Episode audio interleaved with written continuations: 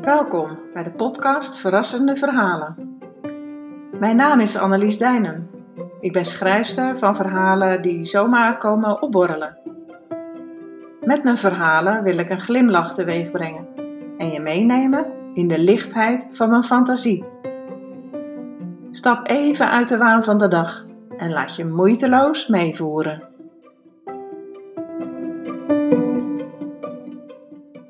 Je luistert naar aflevering 17, Forever Young. Winkelen vind ik een crime, maar soms moet het gewoon. Bijvoorbeeld als je, zoals ik, behoefte denkt te hebben aan een zomerjurk en geen zomerjas meer hebt. Ik stelde het uit en stelde het nog eens uit, geholpen door een koude, natte meimaand. Daardoor kon ik gewoon een spijkerbroek en een trui aan en mijn winterjas. Eind mei veranderden de weerberichten. Er zat dan toch eindelijk zomer aan te komen. Veel mensen werden er blij van dat de winkels weer openden na een lange periode van lockdown. Ik niet.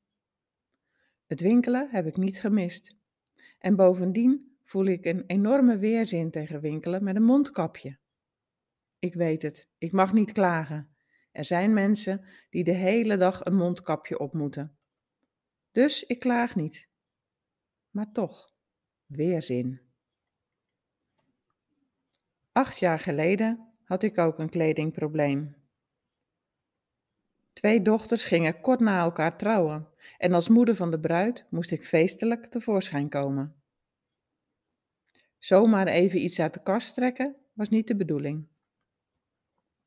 Ik zuchtte hierover tegen een vriendin, zo eentje die wel van winkelen houdt. Toch snapte ze me en ze had dé oplossing. Ze sleepte me mee naar een grote, deftige dames modezaak. Haar schoonzus werkte daar en ze had haar ingeseind, zodat ze alvast wisten wat voor vlees ze in de kuip hadden. Twee verkoopsters sleepten voorstellen aan, zodat ik niet in de grote hoeveelheid rekken hoefde te neuzen om steeds weer tot de conclusie te komen dat de kleur niet deugde, het model verkeerd was of mijn maat er niet bij hing. Oh nee, het waren geen verkoopsters, maar heuse modeadviseuses. Mijn vriendin keurde nauwlettend wat er aangedragen werd. Ze kent mijn smaak, want die heb ik wel, ook al houd ik niet van winkelen. Of het een goede smaak is, daar valt natuurlijk over te twisten. En dat gebeurt uitgebreid later in dit verhaal. Uiteindelijk hoefde ik dus niet zoveel te beoordelen. De adviseuses waren goed en ik heb ze uitgebreid op de proef gesteld. Op iedere maar van mijn kant hadden zij een passende oplossing. Zo was er een mouwloze koningsblauwe jurk die ik het einde vond. Maar dan moet je weer een jasje en dan is het hele effect van de jurk weg. Ze brachten me een prachtig glanzend jasje in precies de kleur van de jurk. Een ander merk, een andere stof, maar het leek voor deze gelegenheid gemaakt en zorgde ervoor dat de jurk nog mooier werd. Voor de tweede bruiloft was de opdracht om in bepaalde kleuren te komen: zwart, wit, grijs en roze. Het werd de dames al snel duidelijk dat ik geen zuurstok wilde zijn, geen begrafenisondernemer en ook geen suffe kantoorklerk. Ze kwamen met een zwart jurkje met korte mouwen en een paar bijzondere details. Het paste perfect. Er kwam een roze jasje bij met een bijzondere kraag en een mooie sjaal van zijde en linnen met alle kleuren die de bruid had opgegeven. Het was bovendien een jurkje dat ik ook voor andere gelegenheden kon dragen, wat een mooi extraatje was. Tussen de aangedragen jurken hing ook een kobaltblauwe, die vanwege de kleur meteen mijn aandacht trok, maar die ik vanwege het model een keiharde nee had gegeven. Daar zou ik een dikke reet in hebben. Mijn vriendin vond dat ik hem toch eens moest passen. Omdat ik binnen het uur twee volledige bruiloftsoutfits had, waar ik heel blij mee was, besloot ik haar een lol te doen. Ik trok de jurk aan. Hij zat als gegoten en wat stond die kleur me goed. Mijn reet bleef zoals hij was, maar kwam in dat jurkje wel heel mooi naar voren. Of eigenlijk naar achteren. Verrassend. Aangespoord door mijn vriendin, deed ik eens gek en kocht ik ook deze jurk.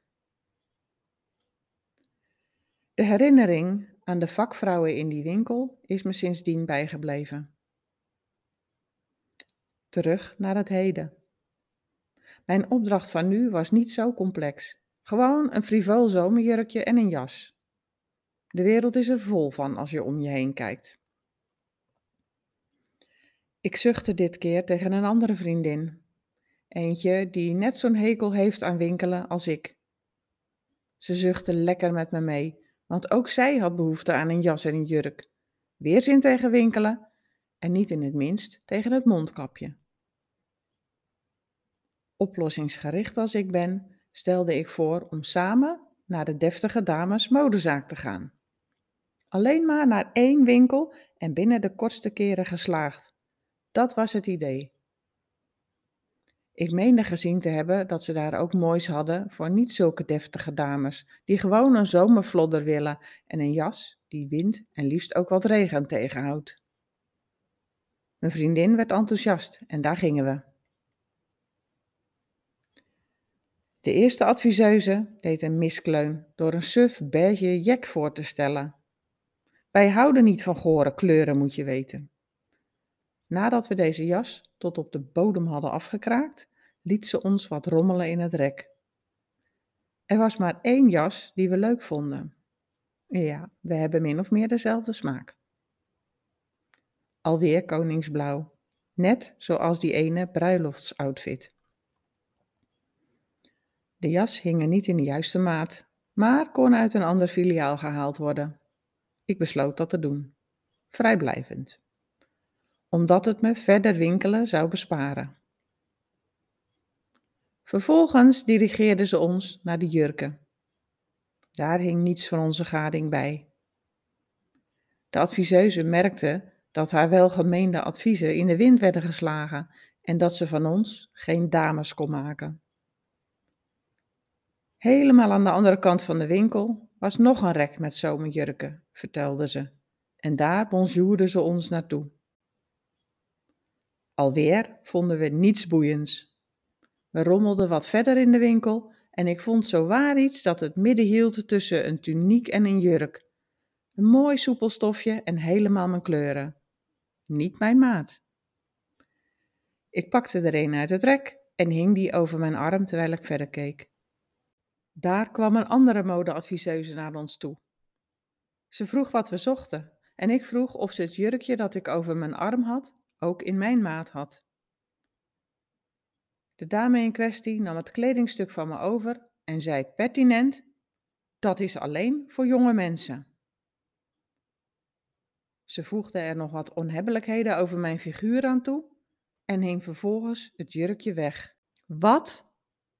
Het was alsof ik een klap in mijn gezicht kreeg. Ik stond paf. Daar had ik niet zo snel van terug. Ik ben grijs en tegen de zestig, ja. Maar het was echt niet een jurkje à la hotter than my daughter. Mij diep beledigen en de kans laten schieten om wat te verkopen in één sneer? Deze modeadviseuse kreeg het voor elkaar. Vervolgens toonde ze een jurk die volgens haar bij onze leeftijd paste. Gruwelijk. Daarin zou ik nooit een luchtig zomerwindje ervaren. Ik zou er mijn oude opoe nog niet in willen zien, als ik die nog had. We vertelden zonder omhaal wat we van de jurk vonden en wat ze ermee kon doen. En toen smeerden we hem. Wij voelen ons forever young. Dat laten we ons niet afpakken door iemand die zich modeadviseuse noemt. We kwamen thuis zonder jurk of jas, maar wel met de balen. Bonprix bood online uitkomst. Twee dagen wachten op de post, meneer. En nu heb ik zelfs twee lekkere zomervlodders en dat voor een bon prix. De jas uit het andere filiaal is het trouwens geworden. En ook mijn vriendin schijnt inmiddels een jas gescoord te hebben. Intussen is het weer omgeslagen. De jassen hangen waarschijnlijk de rest van de zomer ongebruikt aan de kapstok.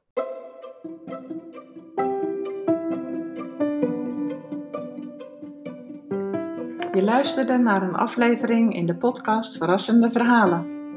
Verhalen geschreven en verteld door Annelies Dijnem.